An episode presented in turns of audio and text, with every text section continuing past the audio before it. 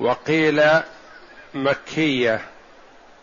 وقد تقدم أن عرفنا أن المراد بالمكي من السور ما نزل من القرآن على النبي صلى الله عليه وسلم قبل هجرته إلى المدينة. يسمى مكي حتى لو نزل منه شيء خارج مكة. كالذي نزل على النبي صلى الله عليه وسلم وهو بين مكة والطائف. وما نزل على النبي صلى الله عليه وسلم من القرآن بعد هجرته إلى المدينة يسمى مدني. حتى ولو نزل بمكة وبعرفات وبمنى وفي الغزوات وفي أسفار النبي صلى الله عليه وسلم يسمى مدني. ومدة نزول القرآن كما تقدم ثلاث وعشرون سنة. ثلاث عشرة سنة بمكة وعشر سنين بالمدينة. وهذه السورة العظيمة بعدما نزلت على النبي صلى الله عليه وسلم قال جبريل للنبي صلى الله عليه وسلم إن الله يأمرك أن تقرأها على أبي. وقال النبي صلى الله عليه وسلم لأبي إن الله أمرني أن أقرأها عليك. قال أو ذكرت ثم يعني هناك؟ قال نعم. فبكى رضي الله عنه حيث ذكر اسمه عند الله جل وعلا وعند الملائكة.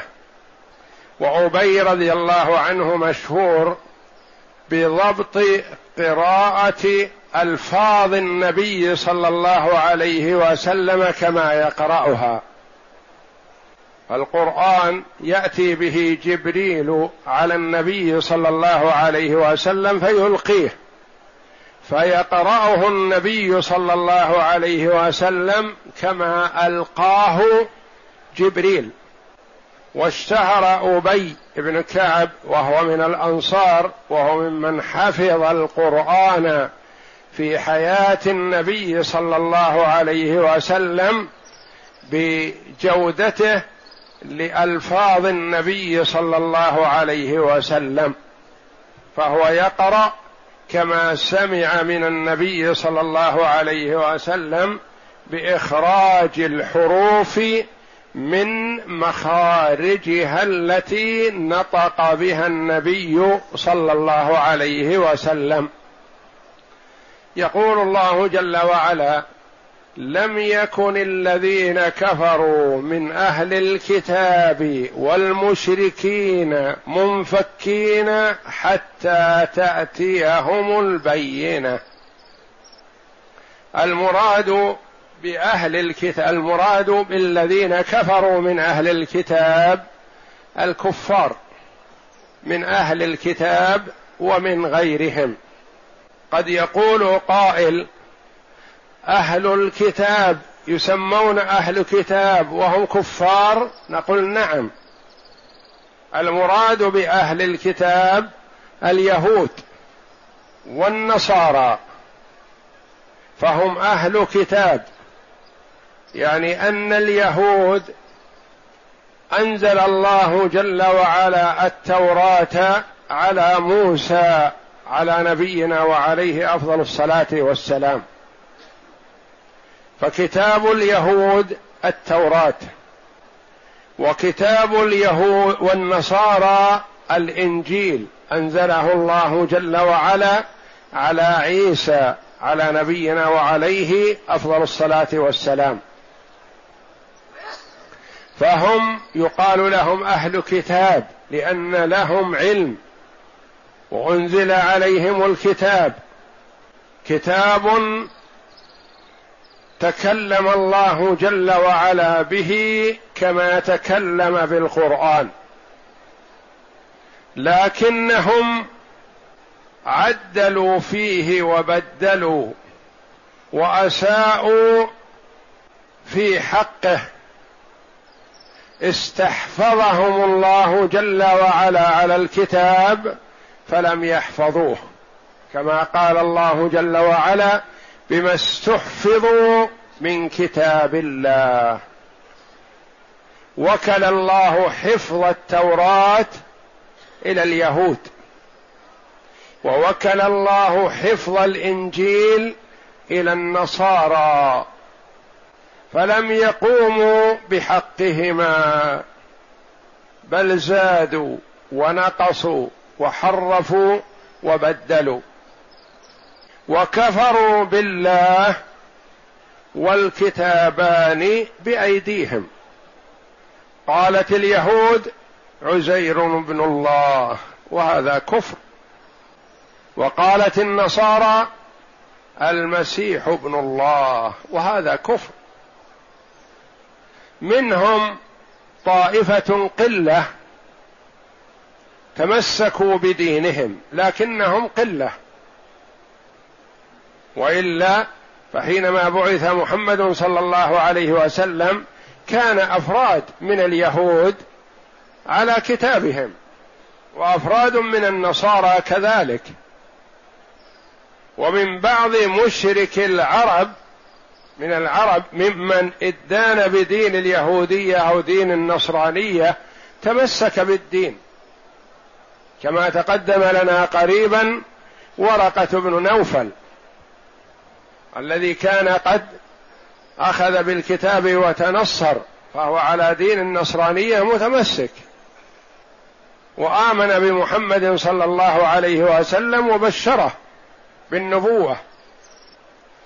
لكن الغالبية منهم كفار فهم أهل كتاب وكفار. وصفتهم بهذه الصفة أولى من أن يقال اليهود أو النصارى أو يقال الكفار اليهود والنصارى. لم يكن الذين كفروا من أهل الكتاب والمشركين.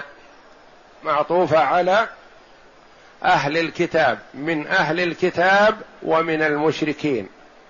وفي قراءة والمشركون تكون معطوفة على الذين كفروا. الذين كفروا من أهل الكتاب والمشركون. وفي قراءة الجر والمشركين تكون معطوفة على أهل. من أهل الكتاب ومن المشركين. منفكين. الانفكاك الانفصال. انفك بمعنى انفصل. وانفكت العظام بمعنى انفصل بعضها عن بعض. منفكين قيل فيها بمعنى الانفصال وقيل بمعنى اللزوم والإم والثبوت على ما هم عليه. يعني منفكين منفصلين أو منفكين ثابتين على ما هم عليه من الكتاب مع ما فيه من التحريف والتبديل حتى غاية. ما هذه الغاية؟ حتى تأتيهم البينة. كأنهم يقولون نلزم ما نحن عليه حتى يأتينا شيء بين. ما هو هذا الشيء البين الواضح؟ ما يتحرونه من بعثة محمد صلى الله عليه وسلم. لأنهم عندهم علم أن النبي صلى الله عليه وسلم سيبعث قريبا. وقد كانت اليهود في المدينة تتوعد الأوس والخزرج تقول لهم إنه قد أضل زمان نبي سيبعث. فنتبعه ونقتلكم ونقضي عليكم قضاء مبرما. وهذا من أسباب مبادرة الأوس والخزرج بالإيمان بمحمد صلى الله عليه وسلم وكفرت اليهود. اليهود تتوعد الأوس والخزرج لأنهم جيرانهم في المدينة وبينهم حروب وعدا فيتوعدونهم. يقول إذا بعث النبي نعرفه نتبعه ونقاتلكم معه فنقضي عليكم. فلما سمعت الأوس والخزرج بمبعث النبي صلى الله عليه وسلم سارعت إلى الإيمان به. قال بعضهم لبعض هذا الذي تتوعدكم به يهود. هذا هو فاسبقوا إليه. هذا الخير. فآمنوا رضي الله عنهم وأرضاهم وحصلت بيعة العقبة الأولى وبيعة العقبة الثانية في مكة قبل هجرة النبي صلى الله عليه وسلم إلى المدينة. ولما هاجر النبي صلى الله عليه وسلم دعا اليهود إلى المدينة دعا اليهود في المدينة إلى الإيمان به فرفضوا وأبوا. عنادا وحسدا. والمشركون كيف كانوا؟ يتوعدون أو يعيدون بأنهم إذا بعث محمد آمنوا به أو إذا بعث الرسول. نعم. قد علموا من اليهود أنه آن أوان مبعث نبي. فكانوا يقولون إذا جاء النبي تركنا ما نحن عليه من الشرك والأصنام وعبادتها واتبعنا هذا النبي. حتى تأتيهم البينة. يعني كأنهم يقول بعضهم لبعض لا نزال على ما نحن عليه. ولن نترك ديننا وهم قد تركوه ولم يعملوا به لكن ما بأيديهم منه. لن نترك حتى يأتينا شيء بين. شيء واضح جلي نتبعه حتى تأتيهم البينة. بعدما جاءتهم البينة ما آمنوا. هذا على قول أن هذه الآية في الكفار. قال بعض المفسرين هذه الآية في من آمن من أهل الكتاب ومن مشرك العرب. أنهم يقولون قبل مبعث النبي صلى الله عليه وسلم لن نزال على ما نحن عليه فإذا جاءت البينة الواضح آمنا فآمنوا. لم يكن الذين كفروا من أهل الكتاب والمشركين والكلمة المشركين تشمل جميع المشركين من العرب وغيرهم من عباد الأصنام من عباد الأشجار والأحجار والقبور واللات والعزى ومناة الثالثة الأخرى. وغيرهم من المشركين ممن يعبدون غير الله ممن يعبدون منهم من يعبد النجوم ومنهم من يعبد الشمس ومنهم من يعبد القمر ويختلفون في عبادة النجوم منهم من يعبد النجم الفلاني ومنهم من يعبد النجم الفلاني. فهم أنواع وأصناف شتى حتى تأتيهم البينة. قال أبو السعود رحمه الله منفكين عما كانوا عليه من الوعد باتباع الحق والإيمان بالرسول المبعوث في آخر الزمان يعني أنهم ما وفوا بوعدهم في قولهم إذا بعث النبي آمنا به. والعزم على إنجازه وهذا الوعد من أهل الكتاب مما لا ريب فيه. يعني أن أهل الكتاب كانوا نعم يعدون المشركين يقولون إذا بعث النبي آمنا به واتبعناه. وأما من المشركين فلعله قد وقع من متأخريهم بعدما شاع ذلك. يعني علموا من أهل الكتاب أنه آن أوان مبعث نبي فقالوا بعضهم لبعض إذا بعث هذا النبي اتبعناه. فكان الوعد حاصل. من أهل الكتاب ومن المشركين. ولم يف بهذا الوعد إلا القليل من أهل الكتاب. وأما من المشركين فقد آمن بمحمد صلى الله عليه وسلم الكثير منهم. قال الواحدي رحمه الله ومعنى الآية إخبار الله تعالى عن الكفار أنهم لم ينتهوا عن كفرهم وشركهم بالله. حتى أتاهم محمد صلى الله عليه وسلم بالقرآن فبين لهم ضلالتهم وجهالتهم ودعاهم إلى الإيمان. وهذا بيان عن النعمة والإنقاذ به من الجهل والضلالة. والآية في من آمن من الفريقين من أهل الكتاب ومن المشركين. يقول رحمه الله وهذه الآية من أصعب ما في القرآن نظما وتفسيرا وقد تخبط فيها الكثير من العلماء وسلكوا في تفسيرها طرقا لا تفضي بهم إلى الصواب. قال ويدل على كون البينة محمدا صلى الله عليه وسلم أنه فسرها وأبدلها بقوله رسول من الله يتلو صحفا مطهرة. يعني ما هذه البينة التي ينتظرونها؟ هي رسول من الله يعني يتحرون مبعث هذا الرسول فيتبعونه. ما صفة هذا الرسول؟ رسول من الله يعني مرسل من ربه جل وعلا. يتلو صحفا مطهرة.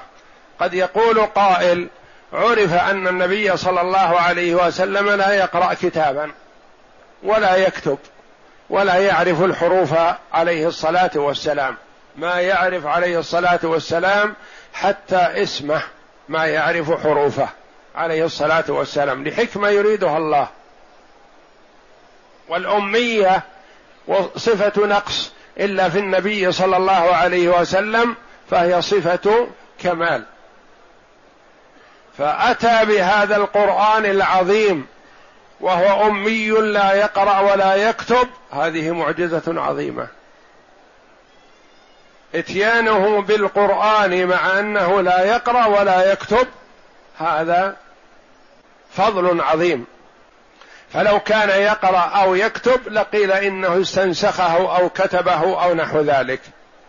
فهو عليه الصلاة والسلام لا يكتب ولا اسمه ولا يعرف قراءة الحروف ولا حروف اسمه. كما تقدم لنا في صلح الحديبية لما كتب علي رضي الله عنه محمد رسول الله قال سهيل بن عمرو انتظر لا تكتب رسول الله. لو كنا نعلم أنه رسول الله ما صددناه عن بيت الله.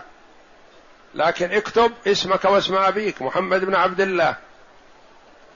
فقال النبي صلى الله عليه وسلم لعلي امحها رسول الله. قال والله لا امحاها أمحى رسول الله. قال أرني إياها. أين هي؟ فمحاها صلى الله عليه وسلم بأصبعه. لأنه ما كان يعرف كلمة رسول الله وأتى بهذا القرآن العظيم من عند الله تبارك وتعالى فهو معجزة عظيمة. رسول من الله يتلو. قد يقول قائل كيف يتلو وهو لا يقرأ ولا يكتب؟ نقول نعم. يتلو. يتلو ما سمعه من جبريل عليه الصلاة والسلام. فهو في قراءته للقرآن مثل من يتلو من مصحف من يتلو من ورق مكتوب فهو يأتي به كما سمعه من جبريل عليهما الصلاة والسلام. يتلو صحفا مطهرة. مطهرة؟ نعم. مطهرة. من الباطل من الكذب من الزور من التحريف من الزيادة من النقص. هذه الكتب التي هي القرآن. وقيل مطهرة يعني ما يمسها إلا المطهرون. الذين هم الملائكة من اللوح المحفوظ. فاللوح المحفوظ لا يمسه إلا المطهرون الذين هم الملائكة عليهم الصلاة والسلام. يتلو صحفا مطهرة. فيها يعني في هذه الصحف كتب قيمة. صحف مطهرة فيها كتب. قد يقول قائل هذا شيء من الترادف. الصحف هي الكتب. نقول لا. الصحف غير الكتب. الكتب تطلق ويراد بها الأحكام. أحكام الله جل وعلا. مثل قول النبي صلى الله عليه وسلم لما تخاصم عنده الاثنان في عسيف زنى بامرأة من استأجره فجاءوا إلى النبي صلى الله عليه وسلم ليحكم بينهم فقال لأقضين بينكم بكتاب الله. فقضى صلى الله عليه وسلم بالرجم والرجم ليس موجودا في كتاب الله وإنما هو في أحكام الله فيطلق الكتاب ويراد به الأحكام. فيها كتب قيمة يعني أحكام قيمة جلية واضحة ذات قيمة تشريع من حكيم حميد. ومثل قوله جل وعلا كتب الله لأغلبن أنا ورسلي. كتب بمعنى حكم حكم الله جل وعلا بأن الغلبة له ولرسله ولمن اتبع الرسل وما تفرق الذين أوتوا الكتاب إلا من بعد ما جاءتهم البينة. هل هم استمروا على ما كانوا عليه من الاتفاق الأول بأنهم سيستمرون على ما كانوا عليه حتى تأتيهم البينة؟ ما استمروا. متى تفرقوا؟ تفرقوا بعدما جاءتهم البينة. وفي هذا ذم لليهود. وأنهم يقولون ويكذبون. وأنهم حسدة. وأنهم يعرفون محمدا صلى الله عليه وسلم كما يعرفون أبناءهم. وما تفرق الذين أوتوا الكتاب يعني من أهل الكتاب اليهود والنصارى إلا من بعد ما جاءتهم البينة. لما جاءت البينة وجاء النبي صلى الله عليه وسلم بهذا القرآن العظيم وعرفوا النبي صلى الله عليه وسلم كما يعرفون أبناءهم تفرقوا اختلفوا. الكثير منهم كفر به ولم يقبل منه والقليل منهم القلة هم الذين آمنوا. هذا هو التفرق. فالمدينة ملأى باليهود. ما آمن إلا أفراد يعدون على الأصابع في حدود العشرة من اليهود. مع علمهم وقطعهم اليقين بأن محمدا رسول الله. لكن حسدا وعنادا. ممن آمن عبد الله بن سلام رضي الله عنه. كان حبر من أحبار اليهود. وتعرف على صفة النبي صلى الله عليه وسلم في التوراة وعرف يقينا أنه رسول الله فآمن به وسار إلى الإيمان رضي الله عنه وأرضاه. ولما أسلم قال النبي صلى الله عليه وسلم إن إن معشر اليهود قوم أهل بهت وأهل كذب وأهل افتراء. وأحب أن تسألهم عني قبل أن يعلموا بإسلامي. لأنهم إذا علموا بإسلامي سيرموني بأشياء لست أهلا لها ولا أعرفها. ثم قد يقع في قلبك شيء يا رسول الله وهو رضي الله عنه من احبار اليهود ومن عقلائهم. فاجتمع اليهود عند النبي صلى الله عليه وسلم فقال ما تقولون في عبد الله بن سلام؟ قالوا هو سيدنا وابن سيدنا وعالمنا وابن عالمنا ومدحوه وأثنوا عليه. قال أرأيتكم إن أسلم تسلمون؟ قالوا حاشاه أن يسلم. حاشاه أن يترك دينه. فخرج رضي الله عنه وقال أشهد أن لا إله إلا الله وأشهد أن محمدا رسول الله. فقالوا يا رسول الله هو وصفوه بصفات هو كذاب هو فاجر هو هو. فقال يا رسول الله ألم أقل لك أنهم إذا علموا باسلامي سيرموني بأشياء.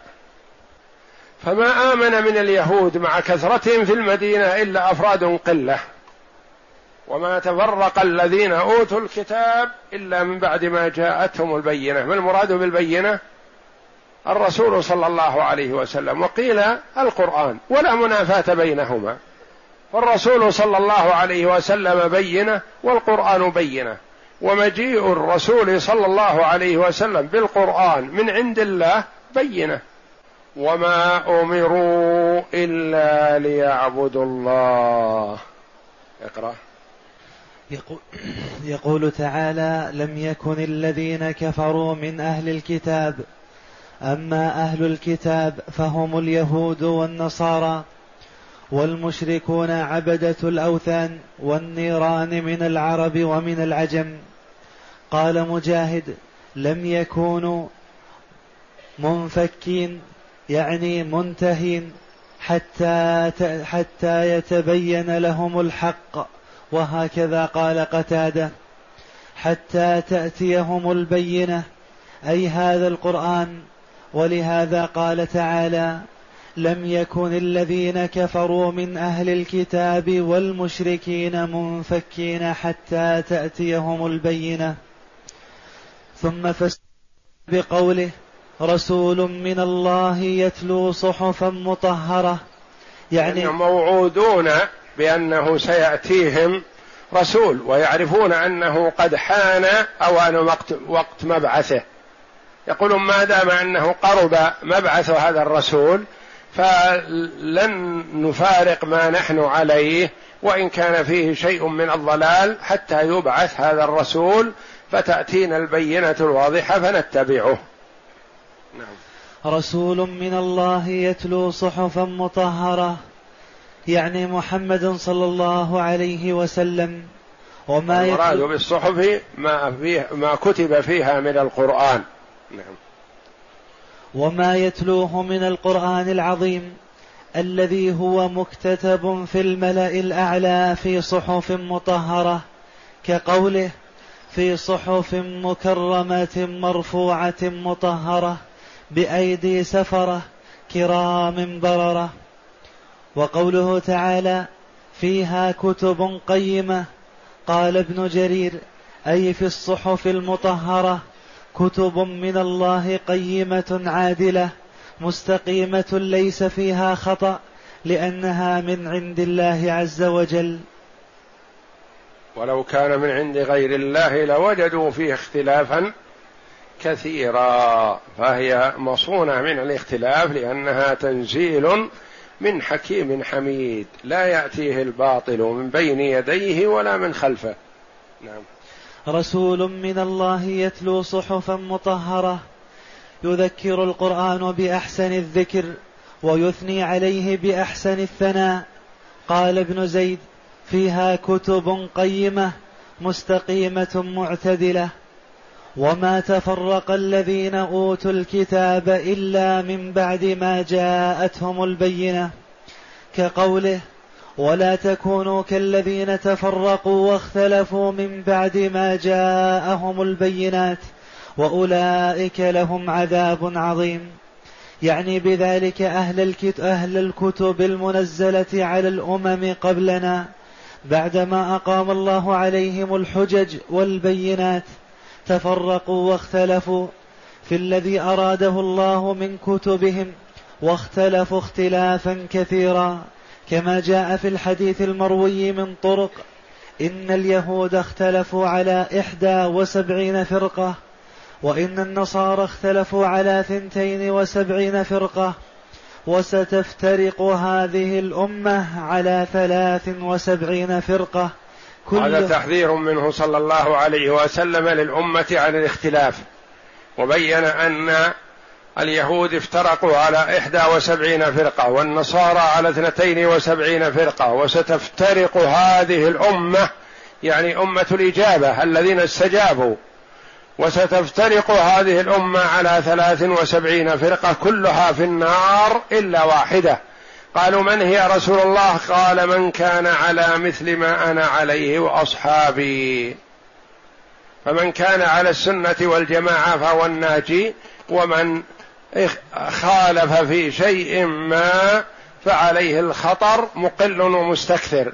وليس المراد والله أعلم أنها في النار يعني خالدة مخلدة في النار وإنما هي تستحق دخول النار لأن ثلاثة والسبعين هذه من المسلمين وليست من اليهود والنصارى والمشركين وإنما هي ممن يدعي الإسلام ويشهد أن لا إله إلا الله وأن محمد رسول الله لكن وجد الخلاف بينهم كما هو الحال. فالفرق كثيرة لكن رؤوسها ما تتجاوز ثلاث وسبعين فرقة. نعم. وستفترق هذه الأمة على ثلاث وسبعين فرقة. كلها في النار إلا واحدة. قالوا من هم يا رسول الله؟ قال ما أنا عليه وأصحابي.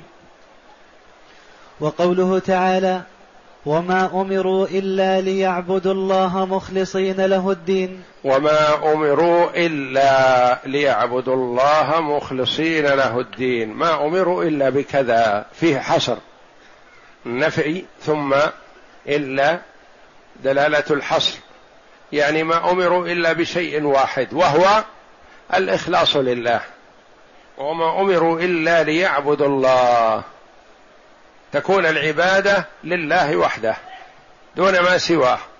ولا يصح أن يعبدوا الله ويعبدوا معه غيره لأن المشركين كانوا يعبدون الله ويعبدون معه غيره. ويرون أن هذه المعبودات تقربهم إلى الله زلفى. وكما يقول الواحد منهم في تلبيته لبيك اللهم لبيك لبيك لا شريك لك لب لا شريك لك إلا شريكا هو لك تملكه وما ملك. يعني يقول لا شريك لك إلا واحد تملكه وما ملك. يعني هو ملكك وهو شريكك. فما أمروا إلا ليعبدوا الله يعني وحده. يعبدوا الله وما أمروا إلا ليعبدوا الله مخلصين له الدين. مخلصين له الدين يعني مفردين له العبادة. والخالص هو الشائب السالم من الشوائب. يقال هذا عسل خالص يعني ما فيه خلط. والخالص هو المقصود به وجه الله جل وعلا. فإذا لم يكن كذلك فلا ينفع صاحبه. لأن الله جل وعلا يقول في الحديث القدسي أنا أغنى الشركاء عن الشرك. من عمل عملا أشرك معي فيه غيري تركته وشركه. وما أمروا إلا ليعبدوا الله يعني ما أمر أهل الكتاب. وما أمر المشركون إلا ليعبدوا الله وحده. الله جل وعلا أوجب عبادته وحده على جميع الخلق كما قال الله تعالى وما خلقت الجن والإنس إلا ليعبدون ما أريد منهم من رزق وما أريد أن يطعمون وما أمروا إلا ليعبدوا الله مخلصين له الدين حنفاء. الحنف هو الميل وجرى العرف على أن الحنف الميل عن الشر. والإلحاد الميل عن الخير والحق. وكلمة حنف وحنيف وحنفاء فيها معنى الميل. ملة إبراهيم حنيفا يعني مائل عن عباده ما سوى الله إلى عبادة الله وحده. وكلمة حنيف وكلمة إلحاد كل واحدة منها تدل فيها شيء من معنى الميل. لكن عرف بالاصطلاح على أن الحنيف هو المائل عن الشر إلى الخير والإلحاد المائل عن الخير إلى الشر. يقال هذا ملحد. مخلصين له الدين حنفاء ويقيموا الصلاة ويؤتوا الزكاة. يعني مأمورون أهل الكتاب بأن يقيموا الصلاة ويؤتوا الزكاة. دل على أن الصلاة مأمور بها في الشرائع السابقة والزكاة مأمور بها في الشرائع السابقة. ولم يذكر بقية أركان الإسلام لأن الصلاة هي أهم الأعمال البدنية. والزكاة أهم الأعمال المالية. والغالب أن من اجتمع عنده الصلاة والزكاة فإنه يؤدي بقية أركان الإسلام. ولا يتوقف عن شيء.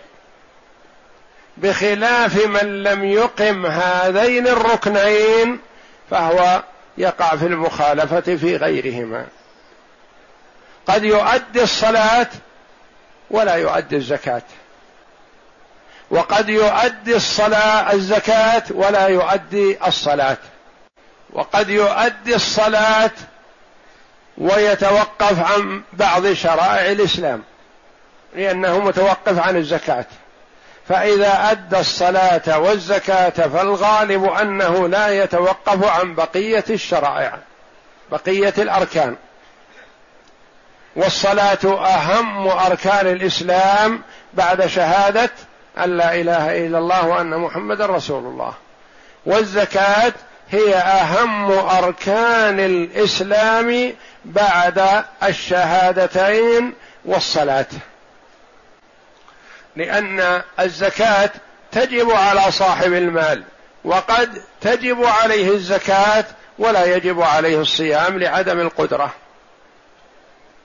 وقد تجب عليه الزكاة ولا يجب عليه الحج لعدم القدرة إلى الوصول. فالصلاة والزكاة لا يعذر بتركهما أحد. والزكاة والصلاة تجب ما دام العقل باق. مهما كان المرء على أي حالة لا تسقط عنه الصلاة ما دام عقله باق. والزكاة تجب على صاحب المال حتى وإن كان صغيرا أو مجنونا. فتجب عليه الزكاة وعلى وليه أن يخرجها. ويقيم الصلاة ويؤتوا الزكاة وذلك دين القيمة. هذا هو الدين القيم. هم أمروا بإخلاص العبادة لله وإقام الصلاة وايتاء الزكاة. هذا الذي أمر به أهل الكتاب. وذلك باتباع محمد صلى الله عليه وسلم وذلك دين القيمه قيل لها هذه للمبالغة وذلك الدين القيم والقيم بمعنى المستقيم الذي لا لا اعوجاج فيه ولا خلل ولا نقص. وذلك دين القيمه اقرأ. وما أمروا إلا ليعبدوا الله مخلصين له الدين كقوله وما أرسلنا من قبلك من رسول إلا نوحي إليه أنه لا إله إلا أنا فاعبدون. ولهذا قال حنفاء أي متحنفين من الشرك إلى التوحيد كقوله ولقد بعثنا في كل أمة رسولا أن اعبدوا الله واجتنبوا الطاغوت. وقد تقدم تقرير الحنيف في سورة الأنعام بما أغنى عن إعادته. ويقيم الصلاة وهي أشرف عبادات البدن. ويؤتوا الزكاة. وقال جل وعلا يقيموا ولم يقل يؤدوا أو يفعلوا لأن الإقامة شيء والتأدية شيء آخر. فالإقامة أبلغ وأمكن من التأدية لأن المرأة قد يؤديها ولا يقيمها فهو مأمور بإقامتها يعني يأتي بها كاملة غير منقوصة بوضوئها وما يحتاج لها من طهارة وسترة وبقعة طاهرة وبخشوعها وأركانها وواجباتها فالإقامة أبلغ بكثير من الإتيان بها. نعم. ويؤتوا الزكاة وهي الإحسان إلى الفقراء والمحاويج. والصلاة حق الله جل وعلا والزكاة حق الفقراء من عباد الله المساكين. نعم. وذلك دين القيمة أي الملة القائمة العادلة. أو الأمة المستقيمة المعتدلة. وقد استدل كثير من الأئمة كالزهري والشافعي بهذه الآية الكريمة. والله أعلم. وصلى الله وسلم وبارك على عبده ورسول نبينا محمد وعلى آله وصحبه أجمعين.